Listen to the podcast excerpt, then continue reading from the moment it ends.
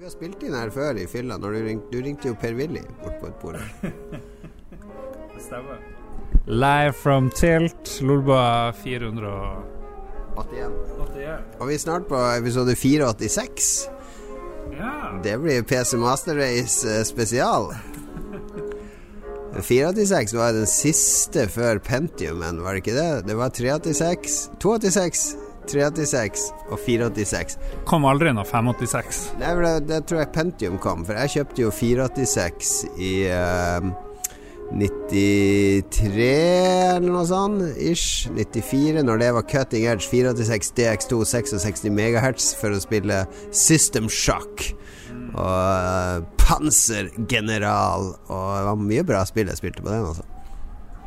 Jeg er enig. Og så må vi gjøre klar, lytterne klar over at vi sitter ganske nært uh, jazz, nyåpna jazzloungen, så vi har et live uh, orkester som spiller litt sånn Hey, Bobby! Very good tunes! Helt riktig. Ja, vi sitter jo på Tilt, selvfølgelig. Det er jo vårt eh, stamsted i Oslo. Og, men det er ingen folk her. Men jeg blir veldig selvbevisst på at vi kan ikke snakke så høyt. Det er ingen som bryr seg hva vi snakker om. Det er bare oss i hele lokalet og bartenderen. Ah, det nye året Nå har det vært veldig kaldt i Oslo. Hvordan har det, har det vært? Det har vært uh, litt Det er jo ikke noe problem å være inne. Jeg har jo spilt uh, kost meg og spilt Red Dead Redemption 2 i sommervarmen i det spillet. Og man har på varmeovn. Når jeg spiller, så sitter jeg med pledd når jeg spiller, men det er ikke for kaldt. Det er det ikke. Problemet har vært løping, for det er jo litt farlig i minus uh, når det bikker minus 15. Så jeg prøver jo å løpe hver dag. I hvert fall fem dager i uka skal jeg løpe en mil. Uh, det har jeg klart å holde, da. Eh, fredagen var en sånn sur, superkuldedag, og da hadde jeg legetime. Skulle jeg sjekke mitt blodtrykk, og det var helt topp. What?! Er det sant? Det var helt fint, så legen skal se Hvis det er samme til sommeren, så kan han begynne å kutte ned på medisiner, kanskje. Er det fordi du driver og jogger og er så aktiv? Trening, og uh, så har jeg kutta sukker, ikke sant, godteri og sånn, så det hjelper nok òg. Men uh, da Legen min er ute i noe som heter Bjørndal, som er ute ved Holmlia. For jeg hadde lege der for 25 år siden og var veldig fornøyd med han. Uh, så jeg har ikke bytta. Så det er, det er jo 8 kilometer fra meg. Så vanligvis kjører jeg bil dit, men nå er bilen på verksted, så da tenkte jeg uh, jeg, jeg la en plan. Jeg fant buss som går dit. Og her var jo minus 20 denne dagen. Så jeg tok buss ut tidlig på morgenen til Holmlia, og så bytta opp til Bjørndal. Og så hadde jeg på treningstøy. Så måtte jeg ta av meg alt tøyet hos legen da prøver og sånn. Og så tok jeg på meg igjen, og så jogga jeg hjem derifra klokka 9.20 på morgenen på fredag i minus 20. Og da måtte jeg jogge sånn forsiktig, med, med sånn tørkle foran munnen. Altså ikke ha sånn der veldig sånn anaerob trening. Altså ikke sånn spurt så, der du hiver etter pusten og fyller lungene med is. Men du kan kjøpe en sånn her ting du putter i munnen. Så ille var det ikke. Så jeg jogga veldig rolig hjem, bare for å få en liten økt. Og så dagen etter var det altfor kaldt. Da hadde vi Vi var jo på tungtvannkonsert òg den dagen. Det, var, det må jeg fortelle om. For nå er det nok jogging for et par episoder. Nei, men du var på tungtvannkonsert den kvelden. Uh, og det var jo sånn nordnorsk klassefest. Fordi 80% av de som var der, var jo nordlendinger. Klarte jeg å møte min uh, gamle nabo Siri. Som uh, er vel ett eller to år yngre enn meg. Men hun bodde rett oppi gata for oss. Jeg har ikke sett henne på 30 år. Det var super weird. Hun kjente meg igjen. Ante, som vanlig så ante jeg jo ikke hvem du var. Før hun sa hvem hun var, så falt alle brikkene på plass. Møtte lillesøstera til Lamo, berykta La. Hun var sammen med Siri der. Møtte flere Harstad-folk der. Og RSB var jo på scenen og greier. Ja ja, det var gøy. Ja, jeg må si det er jo det jeg misunner Oslo-folket. Det er jo kulturlivet. Men uh, heldigvis er det festspill en gang i året i Harstad, og da kommer du opp med familie. Så da skal vi finne på litt artige ting. Uh, forhåpentligvis også til Lolbua er planen. Vet, vet, du hva jeg gleder meg mest til når vi skal til Harstad? Vi reiser jo tidlig på lørdagen. Meg og, og min kone Synne, og vi tar med Joakim på tolv. Det jeg gleder meg aller mest til nå, Det du gleder deg aller mest til nå? Eh, midnattssol, jeg vet ikke. Nei, nei, Gå opp på hoppbakken og ta en sigar. nei. Nei, det er eh, Faktisk, jeg har drømt om det her nå i flere uker. Når jeg kommer til Harstad lørdagen, så jeg kommer hjem til deg, pakker ut litt, komme til orden. Så skal jeg skifte, skal jeg ut og jogge. Du skal ut og jogge? Ja, det var, jeg kom på det da det begynte å gire opp. Da Ah, skal jeg jogge opp eh, til Heggen der, ned Skarveien, opp til Folkeparken og Blåbærhaugen, Sama, ned gjennom sentrum. Og så bortover mot Seljestad, og så hei, bo opp til deg. Det er dag én. Jeg gleder meg så til den joggeturen. Fordi det å jogge i sånn barndomsomgivelser, det har jeg aldri gjort. Så det kommer til å bli magisk joggetur. Jeg gleder meg som en unge. nok jogging. Apropos musikk, jeg har en konsert jeg anbefaler, siden vi snakker om musikk. Det er noe som heter Wolfpack. Som er en sånn funk-aktig band fra USA. Jeg er ikke noe glad i funk, men den konserten eh, de har fra Madison Square Garden, det er en av de få sånne indie-konsertene som har vært på Madison Square Garden, uten manager, uten noe som helst. De bare De bare um, funda seg sjøl, bl.a. ved å slippe en, et album som het Sleepify på Spotify, som brukte et loophole, hvor du kunne, et smutthull, hvor du kunne bare gi ut stillhet. Og det har satt folk på bare her og der, bare for å støtte dem. Så de tjente visstnok 200 000 dollar på ingenting på Spotify. Sånn liker vi. Sånn liker vi. Vi skal jo lage sommer... Altså, ukens challenge er jo at vi må lage en sommerhit innen episode 500. Og aller helst med slangen fra Harstad eh, som gjest, Fordi da får vi jo noen eh, listens og litt eh, promo. Vi har ikke så veldig godt sendeskjema, vil den oppmerksomme lytter få med seg. Vi er jo på hva som har skjedd siden sist. Er det noe mer som har skjedd? Siden sist er jeg på AI-kurs her nede, fordi pressen og hele verden blir jo Jeg bruker konsekvent i jobben nå å si KI. Det er det det skal hete. Eh, Du har ikke lagt deg på den linja. KI for meg er jo killer instinct, så da ler jeg alltid litt inni meg. Ja, jeg har da tenkt Killer Instinct når jeg har sett forkortelsen. Nei, jeg vet ikke. Det ble diskutert på kurset. Skal vi si KI, skal vi si AI? Ingen var helt, uh, helt enig. Men det var, det var ikke så Det var en del uh, AI-prat, KI-prat, men det var også artige researchverktøy. Og um, vi har prøvd både russiske og andre nasjoner sin ansiktsgjenkjenning. Så bare et bilde hvor Hvis jeg tar et bilde av deg nå og så putter jeg det inn i uh, de her sidene. Jeg kan finne hva det heter, så kan våre lyttere prøve det. Så finner han, hvis du er på et klassebilde eller et eller annet, og du ligner fremdeles litt på deg sjøl, så finner han deg blant 40 mennesker. Det er, Av og til så har du bilder i journalistikk. Kanskje en, en, eh, en eller annen person du ikke vet hvem er, så kan du nå veldig fort finne ut hvem det er, takket være sånn overvåkningsteknologi som alle kan bruke. Så det er jo litt skummelt, da, men veldig fint for journalister. Det er mye spennende òg, syns jeg. Jeg syns det er så mye spennende med AI. Jeg er sånn AI-optimist. Jeg syns det Jeg liker jo ikke Jeg, jeg er jo neofil. Omfavner jo alt som er nytt og spennende. Nekrofil. Neofil. Det er det som elsker alt som er nytt, forandring. eh.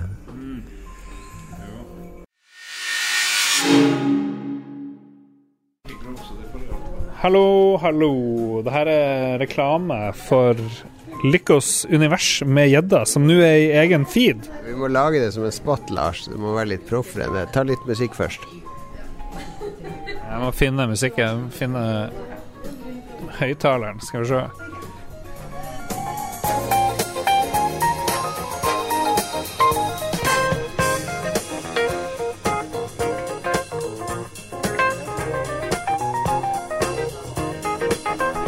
Ok, Vokato gir signal om at det er nok musikk. Skal vi se, Hva mer må vi gjøre for å lage en ordentlig promo for Likos univers med gjedda? Ikke, folk skal jo ikke skjønne at det er en promo før det er inne i promoen, ikke sant. Så nå er det musikken, og så er det litt stille, og så kommer det sånn Vet du hva, Lars? Nå, nå sitter jeg her og nyter en uh, Eres. Oi, hva er det for noe? Det er en Paris Hilton-inspirert drink her oppe på andre, andre til høyre. Åh. Åh, vet du hva, jeg elsker å snakke om drinker og mat og sånne ting. Vet du hva jeg tenker på da? Nei? Kanskje det samme som det? Ja? Jeg skulle ønske Lico eller Gjedda hadde vært der, fordi jeg er eksperter på det gode liv. Åh. Men eh, hvis jeg vil tilbringe timevis i selskapet til eh, Lykke og Gjedda, hvordan gjør jeg det? Vet du hva, Da finner du en egen feed. En egen feed i Spotify eller i Acast eller i hva enn du hører på podkast i. Der kan du finne Lykke og Gjeddas univers. Kommer ut sporadisk, men relativt uh, jevnlig. Og de snakker om alt annet enn spill. Mm, vet du hva, jeg elsker podkast som kommer ut sporadisk, men jevnlig. For det hører veldig i hop. Det er logisk. Det er uh, Lolbua-logikken.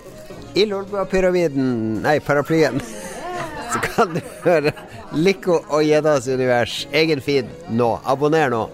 Abonner nå på Lolbua-pyramiden med Likos univers med Gjedda. All right. Apropos AI, så nå kommer jo vår venn professoren. Vår AI-ekspert. Vi slutter å snakke om AI her, Frank. Franke. Vi var inne på AI. Det er det vi må snakke om. Ja, vi har vært inne på AI. Jeg har vært på AI-kurs i dag. Um, lært foreløpig veldig lite, egentlig, om AI. Uh, lært hvordan man bruker AI for å lage uh, Google prompts som kan omgå å finne informasjon som ellers ville vært skjult. Det er et nettsted som heter Dork GPT. Så der lager han uh, Det er en AI som lager prompts til Google. Du kan også få ChatGPT til å gjøre det, men DorkGPT Da, da putter han på sånn site-search og spesifiserer dokumenter og finner automatisk nettside hvor den informasjonen de tror du er ute etter, befinner seg. Jeg er ganske sikker på at Dag Thomas kunne hatt en mye bedre heldags uh, workshop med, om AI enn de her du har vært hos. Er det godt mulig? Vi får se. Det er dag én. I morgen skal vi begynne å lage roboter, eller botter, som de sier. Veldig spent på det. Det spennende Fysiske eller virtuelle? Virtuelle roboter. Men det, det spennende med Frank her nå, er jo at Frank prater jo om eh, har jo prata om AI siden du var født, basically. Altså I hvert fall siden du begynte å programmere. Fordi Det eh, var meningen å være mitt andre store prosjekt, men det gikk litt i dass. Jeg fant ut at datamaskinen var ikke kraftig nok. Ja, fordi det var det prosjektet jeg snakka om for 25 år siden, en MMO. Der når du ikke er logga på, så er det en AI som styrer karakteren din, og du trener opp den AI-en ved din atferd når du er logga på, ikke sant? Ja, Man skulle på en måte prosesse eh, NPC-er og gjøre sine egne formål i verden. eh, NPC-ene levde sitt eget liv ellers. Altså, når du var laga på, så skulle, skulle det ikke være mulig å se forskjell på en datastyrt NPC og en spiller. På, Ja. ja, alle er konsistente i verden og er født og oppvokst og dør alderdom, liksom. du er bare en gjest som inntar kroppen deres og styrer de, og så går de tilbake til livet sitt. Ja, da er, du, da er du sikkert kommet i gang nå, da, når man har store serverparker, AI-en flommer over. Vel, eh, fortsatt er det litt eh, Fortsatt må jeg ha en serverpark med sykt mye GPU-kort og Det kan du jo få. Ikke billig, kan du si. Kan du Er dette kommersielt viable, så er det jo folk som spytter inn penger her og stiller Men man må jo teste det på amatørnivå først, føler jeg. Alle sånne her kule spillprosjekter Dette var for 25 år siden. De har jo et kodenavn. Hva var kodenavnet til dette? Det husker jeg ikke lenger. Hva er eksempel på tidligere kodenavn? Nei, det var ikke kodenavn. det ble jo navnet på det forrige prosjektet, som var Crossfire. Verdens første grafiske MMO. Er det denne mannen som lagde? Ai, ai, ai.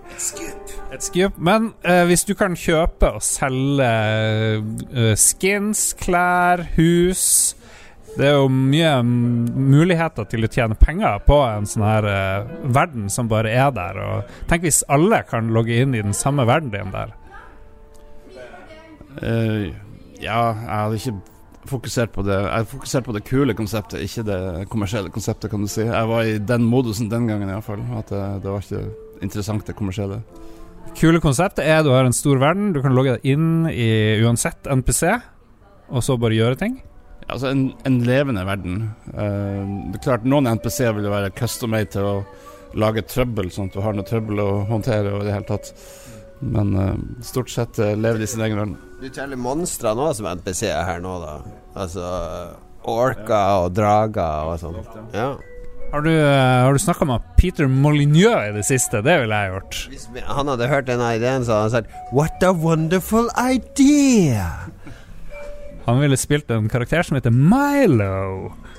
Her, nå snakker vi fra et kommersielt ståsted, så snakker vi her, ikke sant? Fordi hvis du eh, free to play-spiller, så får du kun eh, gå inn i bøndene. Altså de med lite skillset og alt mulig sånn. Du kan prøve å raide og gjøre samme ting med de, men de er litt sånn klumsete med våpen og sånn. Men så betaler du litt, så kan du jo gå inn i litt mer sånn der skilled folk. Betaler du enda mer, altså maks-tieren, da kan du gå i drager og de virkelig kraftige. Ja, ja, ja, ja. Dette! Her er det penger. Nå har vi pitchdekken begynner å forme seg her. Iallfall det, det høres ut som noe lord British kanskje hadde håpa på, etter at han ble litt mer korrupt. Det er jo dette lord British skulle avansere til. Det er jo dette Ultima Online skulle blitt. Ja. Hva har du gjort siden uh, hytteturen, Frank, som er verdt å nevne? Har det skjedd noe i livet ditt? Det er det vanlige. Spilt mye dataspill, spilt mye brettspill. Spilt mye dataspill. Du har begynt på uh, Frosthaven nå, det kan du fortelle om. Fordi mange lyttere kjenner jo til Gloomhaven, og Gloomhaven var også på Steam. Og det var jo et grensesprengende brettspill når det kom med et uh, omfattende kampanje og narrativ og låse opp masse hemmeligheter og karakterer. Så er Frosthaven bare mer av det samme, eller er det noe annet her? Ved, ved, vi må bytte Nå er vi over på hva har vi spilt siden sist, og da må vi ha litt musikk. Uh, jo, det er jo Gloomhaven pluss pluss. Det er Gloomhaven, men karakterene er enda mer unike og forskjellige. Og uh, i tillegg har du den byen du Er det forskjellige i form av at det er unike regler som gjelder for dem, ja. eller er det samme regelsett? Det er enda mer unike uh, regler som skiller karakterene enda mer fra hverandre. Så det, de er de er mer, de er mer forskjellige. Eget regelsett teller for en karakter? At alle tilpasser seg samme regelsett? Er det noe som no, ja. Noen karakterer har egne custom-regler som gjør at de gjør en grunnleggende ting annerledes. Oh, Brettspillnerding! Nå! Nå sier lytterne strømmer til nå. Nei. Nei, men det er ganske kult. Det gjør at det, nye klasser er mer interessante enn hva det var i Glimmerven, faktisk. Det, ja. Du får helt nye konsepter å måtte tenke ut og finne ut av. Uh, og så har du i tillegg det at du uh, bygger opp denne byen, da, uh, Frosthaven. Uh, ja. Og det hadde du ikke glemt på, på, samme måte, at du faktisk oppgraderer byen på mange forskjellige måter. Altså Byen ja. blir jo under angrep hver vinter. Ja, det er sånn tower defense? Nei, men jeg er ikke kommet, ikke kommet til første vinter ennå. Det tar lang tid. Uh, vi er akkurat helt på, vi er helt, yes, vi er helt på slutten av som, første sommer nå. Yeah. Og uh, vi har liksom Hvem er vi? Det er dere to som spiller? Tre. Tre. Så, så, vi har liksom bygd opp uh, muren, bymuren en del, og ja. bygd oppgraderte byvakten og litt sånn forskjellig. At dere må ta Eh, litt sånn valg. Skal vi gjøre folket fornøyd? Skal vi prioritere mat, eller skal vi prioritere muren? Er det sånne dilemmas? Det er alltid, det er alltid sånne dilemma der. Det... Dilemmas liker vi. Er det like bra som The Kings Dilemma? Har du snakka om Kings Dilemma på podkast? Det spilte du masse på hytta. Vi spilte, vi snakka om det i bilen på turen fra hytta. Ja da, vi gjorde det. Som jo er et Jeg ligger å vente på neste hyttetur, vet du. Men uh, apropos Winter is coming, jeg kjenner at sleep is coming hvis vi skal snakke mer om, om Frosthaven. Noe mer viktig å si om Frosthaven? Nei uh, Det var essensen, egentlig. Ja. Ok. Uh, hvor lang tid tar det å spille gjennom Frosthaven? Samme som Gloomhaven, så ja, normal en, en, gang i uka, et par, par runder, så er det et drøyt års tid. Oh, mamma. Ok en uh, dataspill, eh, Franke, er det fremdeles er det Squad, eller hva det heter? Nei. Ja, vi trenger ikke høre om Squad. Prøvde et nytt spill, jeg husker ikke helt hva det het. A Tale of Something.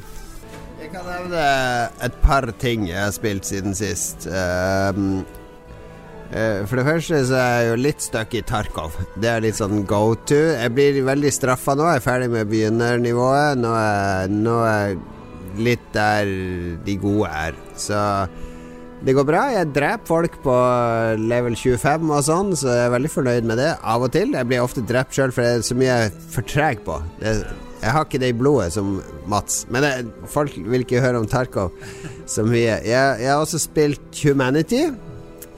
Uh, jeg vet ikke om du husker det. Det kom i fjor. Og så er det Det er, det basically sånn 3D Lemmings med masse mennesker som du skal lose til utgangen. Og hvis du ikke loser dem, så bare går de utfor stup og unger og, og Det er VR, er det? Det kan spille i VR. VR adder egentlig ikke så mye, men det gjør det veldig mye mer personlig å spille det i VR. Det er litt rart det der. Når du spiller i VR, så er det bare meg og de folkene, og det er litt det, Jeg foretrekker vel egentlig å spille det i VR, fordi det gjør det til en mer minneverdig opplevelse. Hvis det ikke er VR, så er jeg ikke interessert. Nei da, men det, det her kan jeg absolutt anbefale deg å spille i VR Humanity. Og du har Uh, det man må bli vant til, er at du har en sånn hund du styrer, som kan hoppe og plassere ut piler som markerer hvor disse folka skal gå. da Så det er, uh, det er et veldig uh, egentlig basic spill, men med en visuell stil som er hypnotiserende. Altså, jeg liker det egentlig veldig godt. ja. ja. Du kan ta noe du har spilt, da.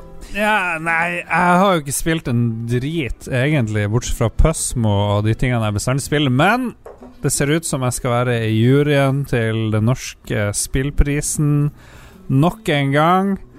Så hvis noen lyttere der ute har et spill de er veldig glad i fra fjoråret i Norge, så er jeg klar for bestikkelse. Jeg sier det bare med en gang. det er ingen fra NFI eller Virke som hører på det her uansett. Så jo mer penger Vi sender, vi sender jo uh, swappergaver til NFI og Virke hver gang, så jeg tror de hører innom av og til.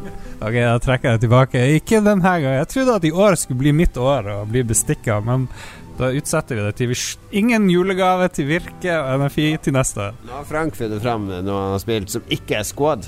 Ja da. Uh, først har jeg spilt en god del på Death Must Die. Jeg vet ikke om du har hørt om det? That Must Die? Ja. Yes, det, det, er en egen sjanger, egentlig. Jeg husker ikke hva originalspillet var. Vampire Killers eller noe sånt. Death Must Die. Jeg syns du sa That Must Die, men ok. Must Die. Så det er, en, det er en egen sjanger der du styrer karakterer som bare går rundt og slakter monster og luter lut. Uh, du, du, kan gjerne bare ha på autoattack, og så går du bare rundt med han. Uh, og så får du upgrades hele tida, uh, og må ta valg mellom hvilken upgrade du tar, og hvordan det affekterer karakteren. Og uh, så kommer det tøffere og tøffere monster i store store horder som hele skjermen er fylt. Og så kommer det bosser innimellom, og minibosser. Og så varer det bare kanskje ti minutter, hele greia. Og så ja, så konsoliderer du karakteren og skrur opp vanskelighetsgraden, gjerne, og ekvipper bedre lute og så videre. That's it. Really. Essensen av det. Var det fjorårets Game of the Year for deg? Death Must Die? Ja. Det er morsomt når du har kort tid og bare skal Ja, hva skal jeg si Det er perfekt spill for å kverke 10-15 minutter. Han, han har aldri likt kort tid. En gang vi spilte Rollmaster, og det kom en magisk item, så satt de i seks timer og diskuterte hvem som skulle få den itemen, fordi Frank var så innbitt på at han skulle ha den fordi jeg hadde drept han urettferdig dagen før.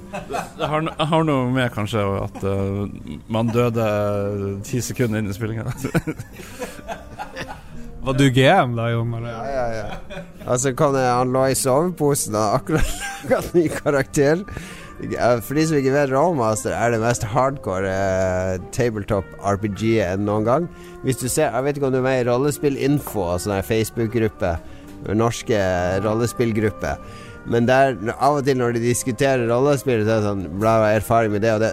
Og de disser alltid Rollmaster som sånn derre den der uh, bastarden som alle var imponert av, men som ingen torde å spille. Den er jo maksimalt ogristisk. Uh. Fordi Rollmaster er jo basically 2000 sider med tabeller. Og hver gang du slår et våpen, så er det å slå opp på tre-fire tabeller for å se effekten. Ja, det blør litt, knekker skulderbladet. Altså, det er superdetaljert. Men så er det veldig ogristisk òg, fordi hvis du kaster 166, så blir det jo sånne ekstreme effekter. Og det var det som skjedde med Frank. Han akkurat laga seg en karakter. Han hadde joina partyet. De hadde vandra inn på partyet om kvelden. Lå i sovepose. Våkna morgenen etter ble de overfalt av en sånn frostmage eller et eller annet. Som sendte en lightning bolt av gårde, som tilfeldigvis traff Frank i soveposen. Og så var det Oi, 100! Oi, 66! Han ble delt i to. Så før han var kommet ut av soveposen, så var Sorry, du er død. Det var, det, dette var jo Dark Souls-rollespillet. Det var ikke Cleric som sto med Cure Light Wounds. Det var Er du død, er du død? Den er mye mer ekstrem enn Call of Cthulhu, f.eks. Ja, ja, ja. Nå har vi brukt eh, begrepet Vi må vente To ganger har vi brukt begrepet ogristisk. Og hva betyr det, Frank? Um, det kan brukes i flere sammenhenger, men den sammenhengen jeg snakker om, var bare at det var eh, styrt av tilfeldigheter. Hvem er ogre? Ogre er jo vår gamle venn eh, fra Harstad som eh, Jeg vet ikke hvorfor vi begynte å kalle han for altså, Han var jo en gigantisk mann. ja, han var svær, Big boned uh, dude. Så Luta litt. det var derfor vi kalte han for Ogre. Og så hadde han noen uh, uh, randomme trekk, eller han var litt uforutsigbar på noen ting. Og da ble ogristisk ble jo et begrep for oss for å være uforutsigbar. Så det kan alle dere lytte- lyttere få lov å bruke. Det er et Veldig fint begrep, da, for vi bruker det jo uten å tenke oss om.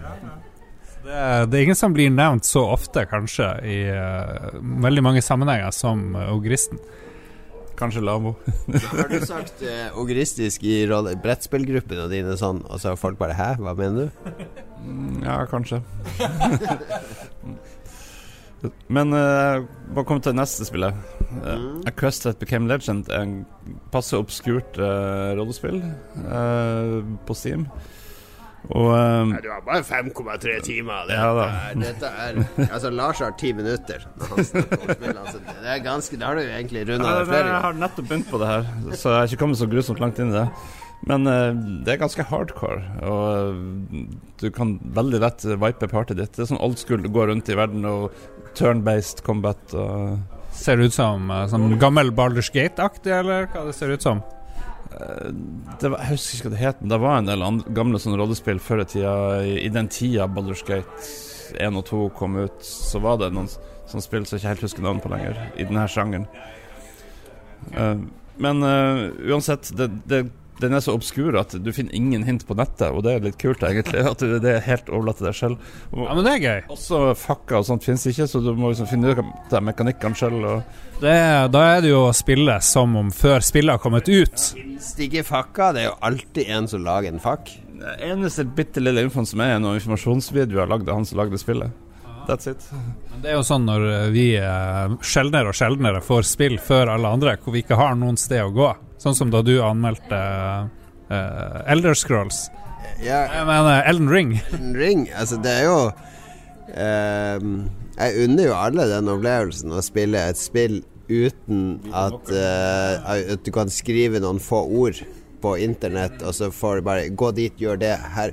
Uh, hey guys, I'm gonna show you how to be altså, Der du må finne ut av ting sjøl.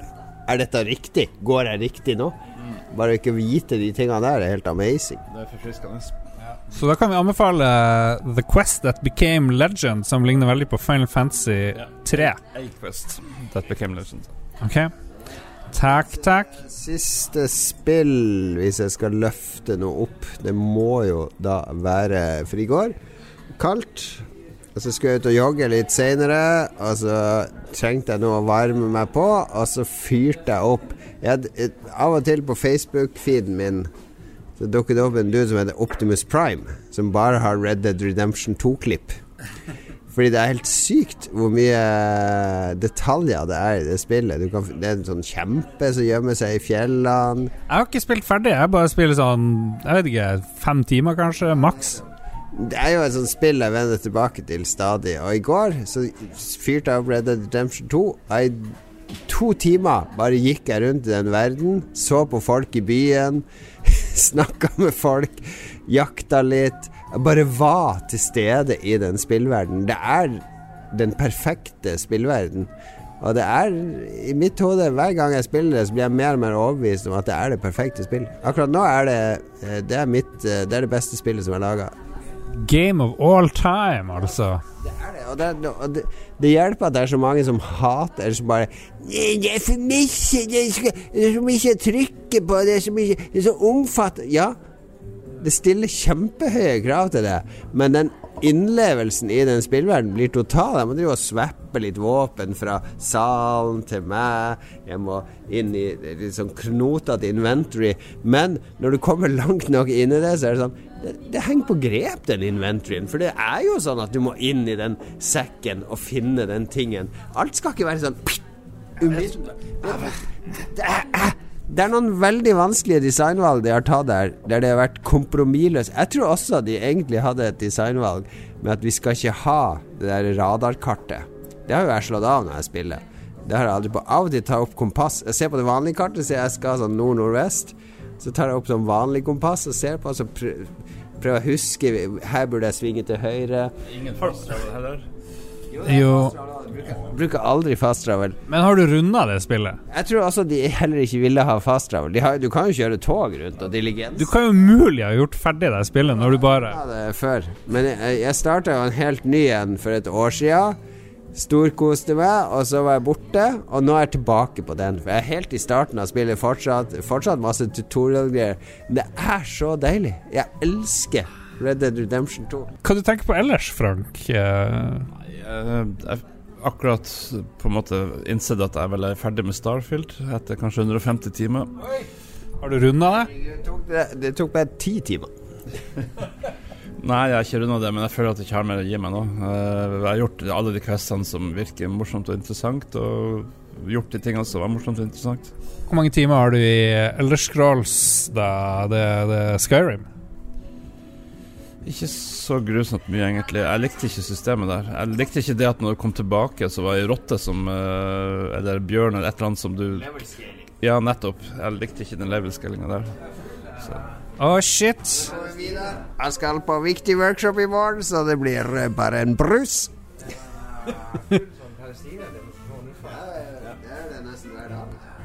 Okay, vet, vi må vente litt. Jeg så at jeg trykte på stopp i stedet for record. Så det vi har gått glipp av, alle sammen, det, det er et velformulert spørsmål fra meg om når AI-en blir uh, selvbevisst. Fordi uh, i den tida hvor han er uh, OpenEye-sjefen måtte slutte og fikk jobben tilbake, som det, det, gikk på fem dager, så kom det en nyhet samtidig om at ansatte, stor gruppe ansatte i OpenEye advarte om at det var kommet en selvbevisst AI som het Q-Star. Ja. Nå kom jeg på noe spennende. Er det noen norske gründere som har vært jævla smarte nå og starta et selskap som heter OpenCoy? det er noe som heter NordGPT, som lages av NTNU og Skipsted og sånne ting, som blir norske OpenEye. Nordnorsk AI som bare banner og skjeller deg ut og Nordnorsk vitsegenerator blir sendt igjen. Men OK, eh, vi skal ta igjen det vi tapte. Og det var jo at jeg spurte han eh, Frank om når blir AI-en selvbevisst. Ja, og jeg er ganske sikker på at ett sted i verden, eh, gir kjeller på enten eh, et, et, firma eller en statsorganisasjon, så er det en eller annen selvbevisst AI allerede som bare blir holdt under reps. Jesus Christ. Uh, ja, altså, det, det, er så nært. Uh, Skynet. Men hvorfor holder de den skjult? Uh, fordi at uh, folk er litt skeptiske, naturlig nok. Og det er jo en del sterke Blant annet Sam Altmann har jo prata om at du skal bremse litt nå, fordi, fordi det, vi, det, det, er liksom rundt et hjørne eller to. Og vi vet ikke helt effekten av det her. og hvordan vi påvirker samfunnet. Okay. I din jobb, eh, Vidar, som handler mye om rasehygiene og, eh, og raseteori, hvordan, hvordan, vil AI påvirke deg, tror du, hvis den blir sånn sykt bra?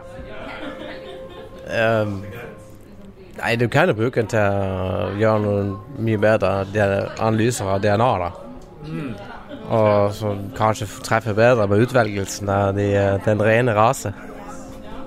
Ja, for det er viktig i fiskeoppdrett. Vi må gjøre det klart at det er det det går på. Hva er siste utviklinga innen uh, fiskeoppdrett? Har det skjedd noe bra? Det skjer veldig mye på landbasert. Men det går jo ikke på AI og sånne ting. Det er datamaskiner. Det går mer bare på ja, produksjon. Landbasert. Så der slipper du veldig mye av de utfordringene i havet der med, med lus og sykdommer og sånne ting. Lus og sykdommer Får du lyst til å liksom bruke teoriene dine som du har lært på fisk, eh, og bruke det på mennesker? Nei, egentlig ikke. Det er folk som har prøvd det, da. Og det er Ja. mange som har lyst til det er jo mange som har lyst til å gjøre det. Og det er jo en del sånne prosjekter sånn i Kina sånn med sånn kloning og forskjellige ting. sant? Av mennesker? Ja, det er vel mer dyr, der, men det er jo Det er sikkert ikke at Jeg lurer på om det er noen som har saker om å hjelpe mennesker også. da. Men hva med å klone de smarteste? Få masse Elon Musker, liksom. eh. Dette har vi snakka om før, fordi det var jo en idiot på slutten av 70-tallet som starta en spermbank der det kun skulle være sperm fra Mensa-folk og gullmedaljevinnere i OL for å breede en sånn master race. Det gikk ikke så veldig bra. Ja, hva skjedde der? Han fikk jo nesten ingen sperm fra sånn, så han begynte jo å donere sjøl og sånn. Nei, det, var, det er en, en veldig kul bok, da. Og The Genius Factory heter den boka. For han intervjuer mange av de ungene. For den er jo skrevet mange mange år etter det, så han intervjuer mange av de ungene som har blitt voksne nå. Og eh, Ja, er de genier, da? Nei, det er ikke spesielt smart. De, er, de skiller seg ikke veldig ut. De har ganske normale jobber og sånn, så det funka ikke etter hensikten. Men hele filosofien hans var jo veldig sånn der eh, Doktor Mengele Altså, det, det var på den der eh, Drive og selektere eh, basert på altså, intelligens og andre kvaliteter for å breede en master race. Det er ganske vilt. Må grave opp Einstein nå. Vi kan gjøre sånn som Jurassic Park. Grave opp uh, de største geniene, og så prøve å klone dem. Og så slipper vi dem ut på en øy, og så Filmen Mensa Park. I parken, ser du bare sånne 20 sånne Einstein som går rundt og tenker og sånn der, og bare Oh my god! Ja, det var du, eh, i starten her så eh, Du mente Elon Musk var et geni? ja, det, Kanskje sette det på spissen, men uh, han er i hvert fall flink til å lage penger, da. Eller tjene penger. ja, ja. Ja, ja. Elon Musk, if you're hearing this, we love you in Lulbua. Elon Musk har vært gjest mange ganger i Lulbua. Ja, ja. Eh, det vi holdt på med å avslutte da du kom, eh, Vidar, var eh, Ja. Spør Vidar har spilt siden sist. Vi spoler tilbake dit. Vidar har spilt masse Project Zomboid. Uh, ja. Uh, ja, fortell. Fortell. Jeg, Hva er Project Zomboid? Hva er spillet? det er survival-spill. Du, du begynner jo i den uh, apokalypsen. På dag null, når verden er blitt tatt av zombier. Så er det bare noen få karer igjen der som ikke er det. Og der er det jo en, del byer som du Ganske store byer hvor du må overleve, da. Og det er veldig mange zombier da, overalt. Og så må du bare fære rundt og uh, lute masse hus og Perspektivet er jo som i The Sims. Det er sånn 3D isometrisk. eh, Ganske, ganske utdatert visuell stil. Ja, ja, ja. Altså, men det er jo det som Så vidt er litt kult, for jeg har jo en ganske sånn uh, Den laptopen jeg har, er jo ikke spesielt kraftig, men det går helt fint å kjøre. Israelerne kan kjøpe deg en bedre laptop. Jo, så vidt. Hvordan uh, Ja, når du spiller med, Hvor mange er i et party, liksom? Jeg vet ikke hvor mange du kan være. Du starter en server. Tore kjører en server, da. Så vi kjører, vi er jo sånn vanligvis uh, Tore, Ruben og meg, da. Og så en Jan Harald og Kjetil. og hva det er. Jeg vet ikke hva som limiter, om hvor mange det kan være. Det vet jeg ikke, men jeg tror det er ganske mange. Så spiller de i samme verden, da. Så, eh, så da kan du typisk så vil du etablere en base i et eller annet hus eller i et eller eh, kjøpesenter eller hva det måtte være, hvor du rydder alle zombiene og så setter opp sånn masse sperringer og sånne ting der. da. Ja, for kjøpesenter, har de luta kjøpesenteret, eller er det masse mat der og sånt? Det er masse mat, ja. ja, ja. Så det ikke Så må du finne Så etter hvert så går du Så blir strømmen slått av, og vann blir slått av, så må du samle finne vann, og så må du finne sånn generatorer og sånn til strøm og sånn. Og så det, finner du masse våpen der. Så du drar rundt med sånn skytevåpen. Det er sånn militær base som du kan lute og sånn. Hvordan ville du klart deg under apokalypsen? Jeg tror jeg, jeg daua jo sånn sikkert ti ganger allerede, så tror det her er godt. Det som hadde skjedd med Vidar i den apokalypsen, han hadde satt seg i en bil, og så hadde han krasja. Og så hadde zombiene kommet og tatt ham. Det er ganske dårlig å kjøre bil i det spillet. ja, det, ja, det, fordi hvis, hvis du, det er jo zombier overalt. Hvis du krasjer bilen, så, så blir stående, så kommer de jo inn vinduene, og der er du garantert død. da. Så hvis du blir bitt, så er du dør du garantert. Okay, hvem av oss fire ville klart seg best i apokalypsen hvis det skjedde på ordentlig?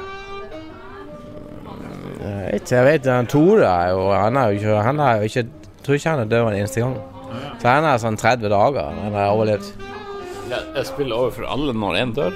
Nei, nei, nei. Du bare spawner på nytt. Du bare lager en ny karakter, men du nullstiller jo skillene. Fordi du går opp masse i skill. Du og setter deg og ser på TV klokka seks hver ettermiddag for å gå opp i en skill, for da går det et program som lærer deg en skill, og du kan lese bøker, og, og så får du skills av å gjøre ting òg.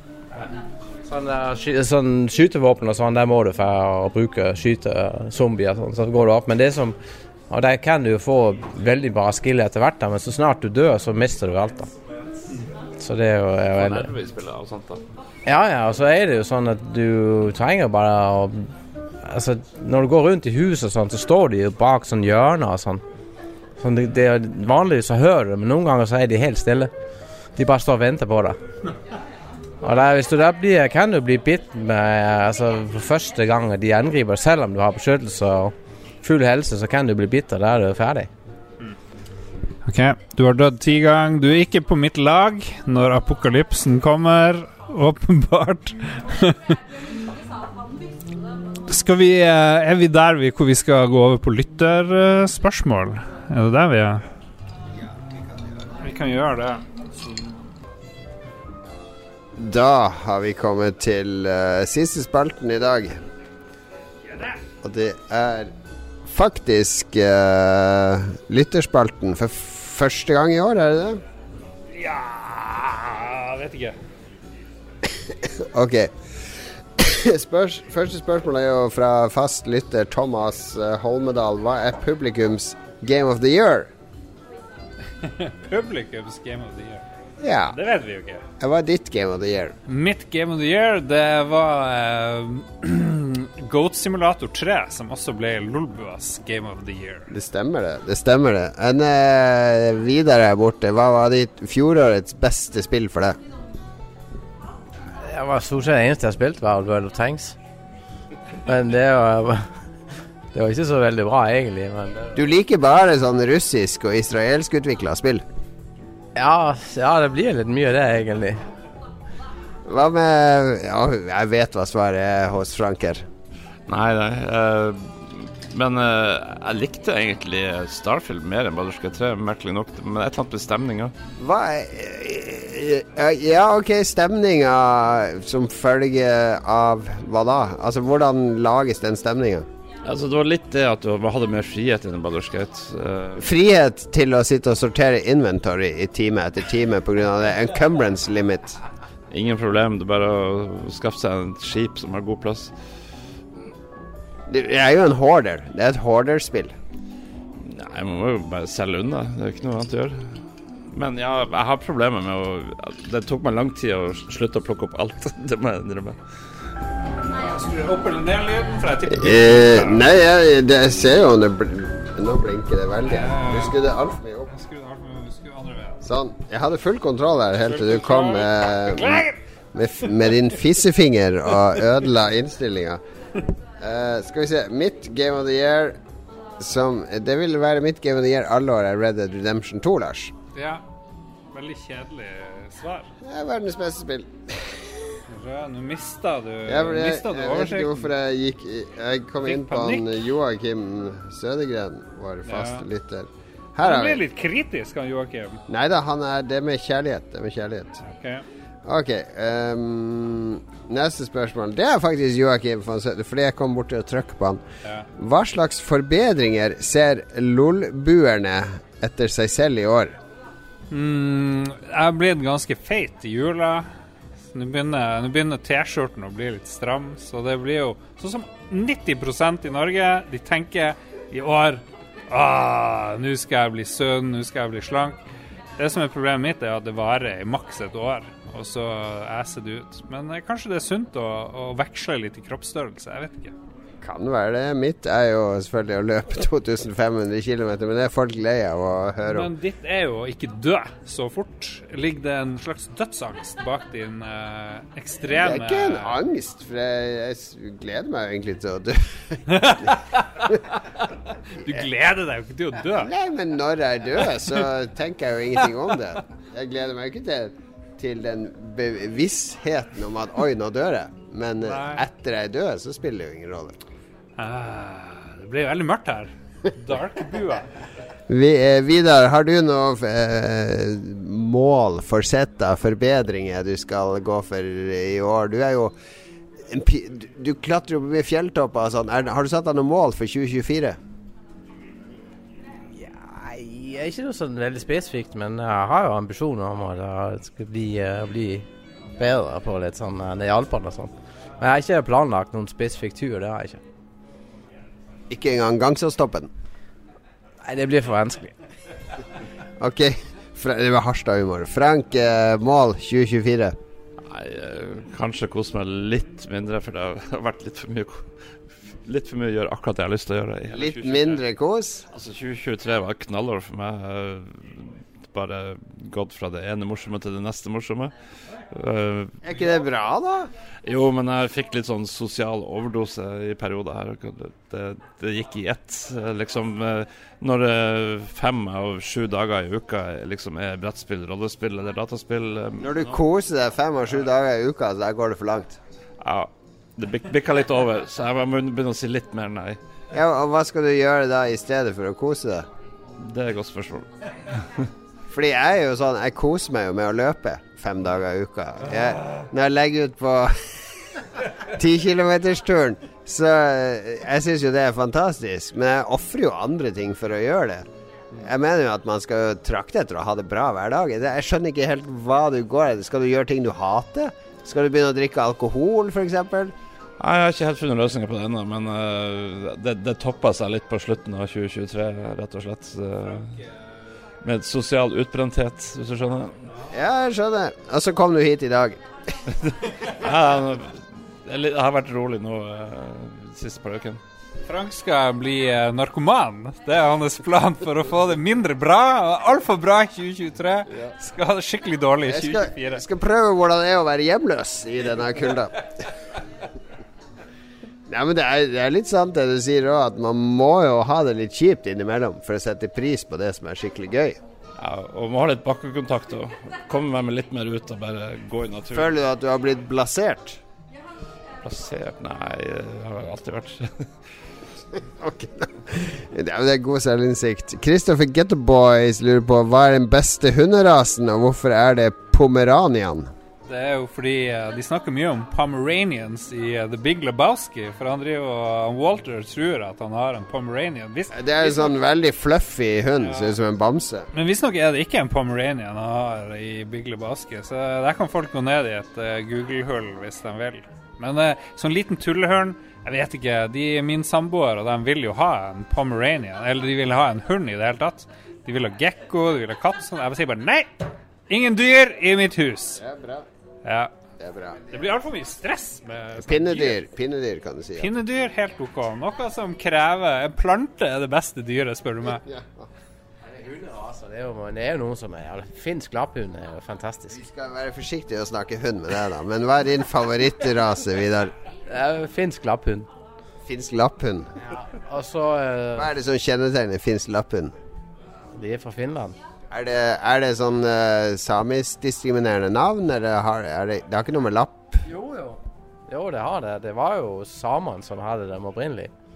Så det er jo For sånn- lapp er ikke, det er ikke lov å bruke lapp lenger. Lappe er veldig ut. Finn er veldig ut, så det her er rasistisk fra Israel-vennlige Vidar. Det er veldig fine hunder, da. Veldig, veldig, veldig snille hunder, da. Ok, ok. Da må vi spørre Frank, Vidar. eh, den uh, Vidar Vi må spørre Vidar. Hva er den fineste menneskerasen? Ja, det er et godt spørsmål. Uh, det, vi kan ikke, Frank, beste hunderasen? Jeg kan ingenting om hunder. Jeg er allergisk mot hunder. Det er jeg òg, men hvis du Det er jo sikkert noen du blir gladere av å se på gata enn andre. Ja, Sant Bernhard kanskje, eller husky kanskje. Ja, for det er, jo- Min favoritthunderase er jo blindehunder, for de tjener en funksjon i samfunnet. Ja, men det er jo ren løgn. De er jo ikke blinde. Ok, Kristoffer Karlsen lurer på om vi har sett den nye episoden av Makta, og hva vi syns om uh, den, Frank?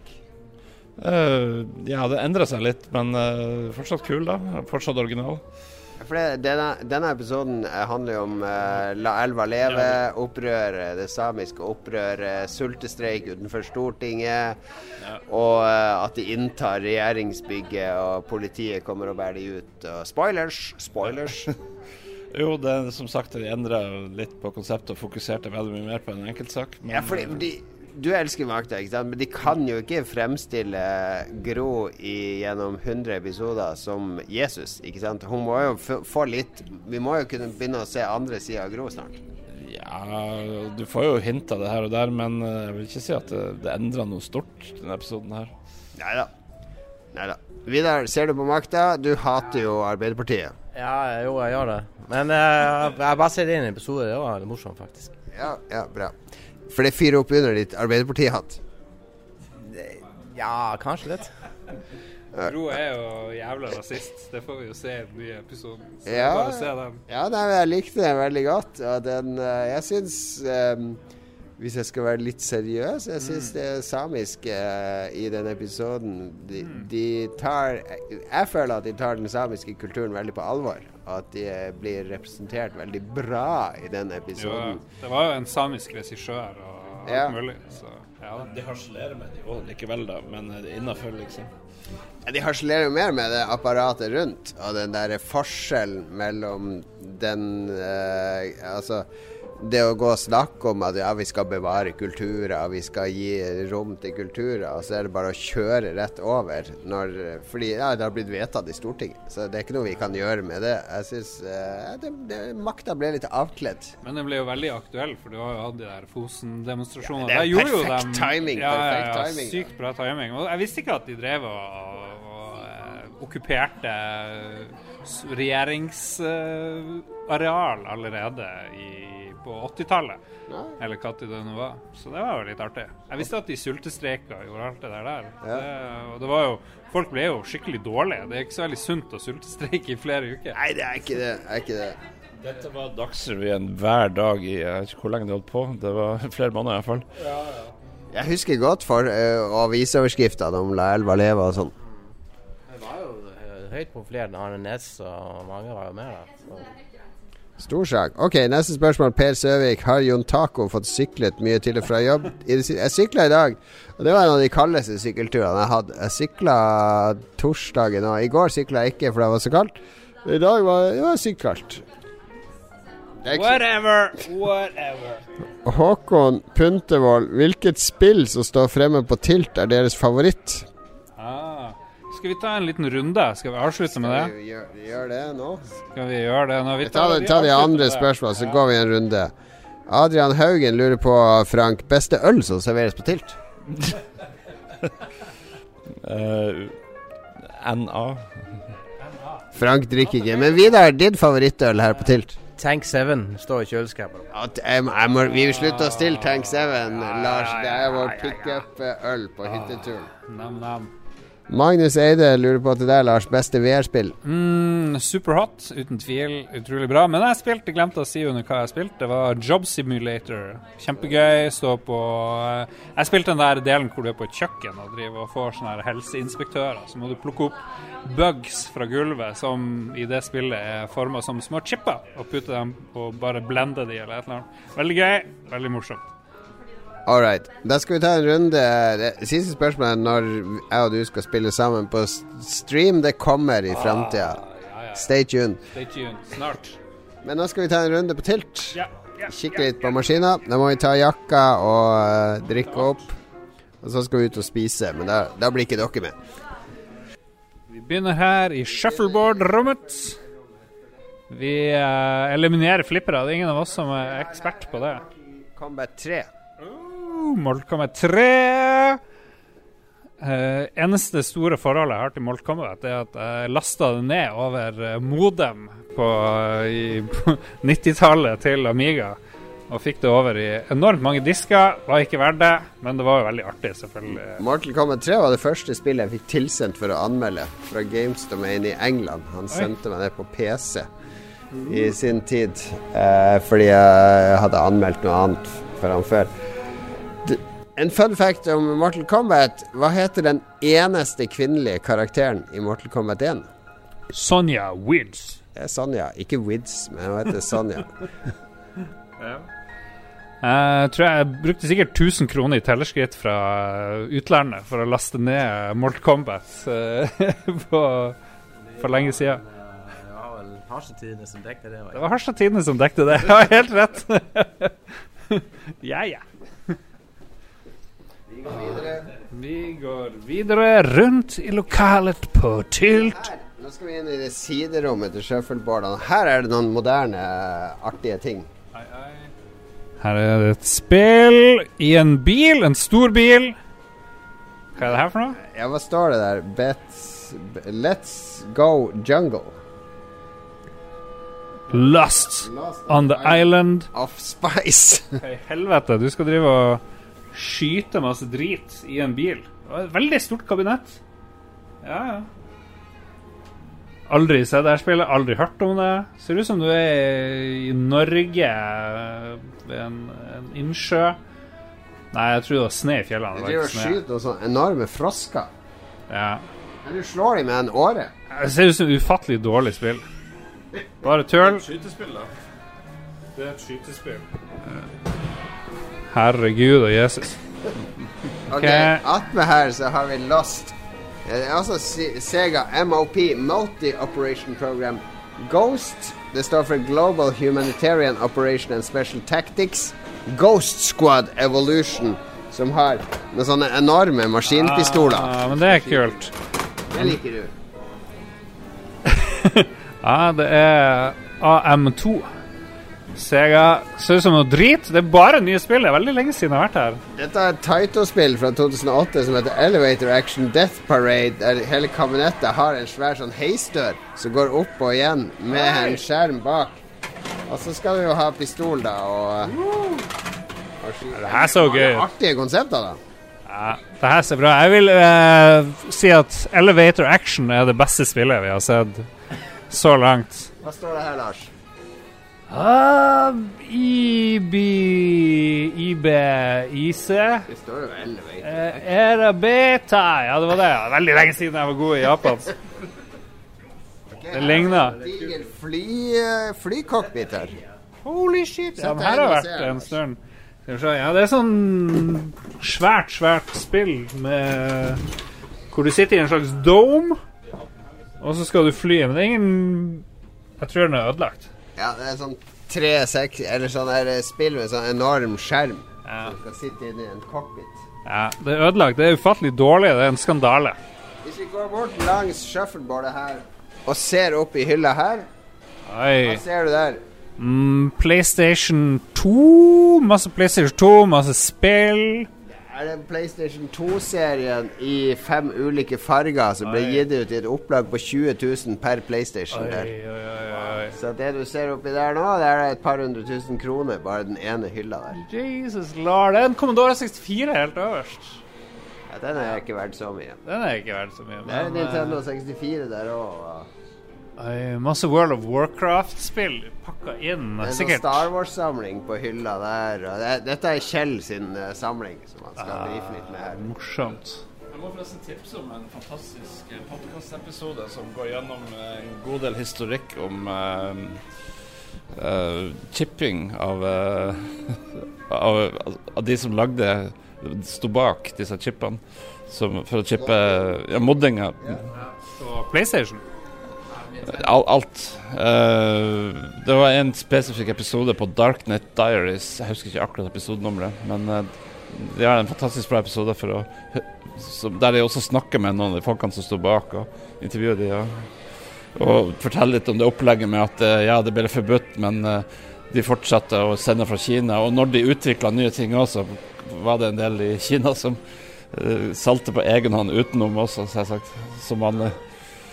Vi hadde jo chippa til eh, Hva var det vi hadde chippa til? Syns vi chippa noe? Både Dreamcast og PlayStation på Akersmikket. Ja, vi chippa PlayStation vi på hele underetasjen da, så kommer vi til å holde på en time. For det er Ja. et tonn med Vi kårer den beste i første Beste i etasjen. første tenk. hva er Det det er elevator action. Death parade. Woo!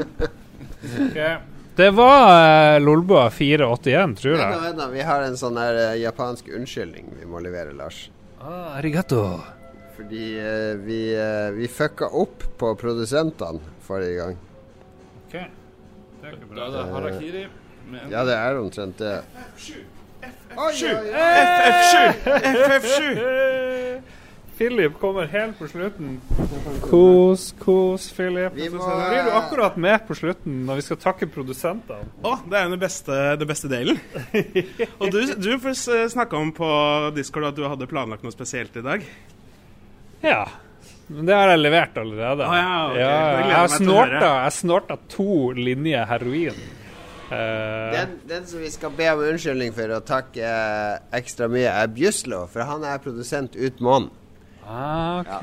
Men han, kom, han ble fjerna fra oversikten sin. Ah, Så stor unnskyldning til Bjøsla. ok. Men ellers så takker vi alle andre. har vi noen navn? Ja, Vi vi har TTM XMP, må jo være med. Jeg kan ikke Jeg vet da, vi skal, vi skal ikke begynne å takke før vi er Kong Hong er med. Vent, da. Du skal Det ikke er jeg ganske sikker på. Jeg bare er gjetter. Du kommer jo til å glemme noen. Har du de oppi der? Det er jo selvfølgelig evig-unge. Nå, nå lager jeg Å ja. Nå lager jeg en bit her, og så kan dere eh, rapp-takke de. Ah. Yo. TTM-eksempel, han er så bra. Han liker vi hver eneste dag. Bare fortsett. Du, du er jo den proffe rapper. Du må ta neste linje. Yo, yo, skal vi se. Duke Jarlsberg, du er så fin. Jeg suger kuken din hver dag. Du er min. Ah, yeah. Kristi Lysaker, du er så Nei, OK. Jeg hadde tenkt å si fin, og så skjønte jeg at det gjorde jeg i stad. Bli med i min bil, den er så fin. Mye, mye nødrim. Det er på slutten. Å yeah, kong, kong, du er så long. Jeg suger deg hver dag. Jeg kan ikke få nok. Kom i munnen min, kong. Ho! Og så er da? Herregud, om jeg spytter. Faen meg, sommerhiten er jo nesten i boks her. da. Haslapropaganda 2024. Har du et enkeltpersonforetak eller en liten bedrift? Da er du sikkert lei av å høre meg snakke om hvor enkelt det er med kvitteringer og bilag i fiken, så vi eh, gir oss her, vi. Fordi vi liker enkelt. Fiken superenkelt regnskap.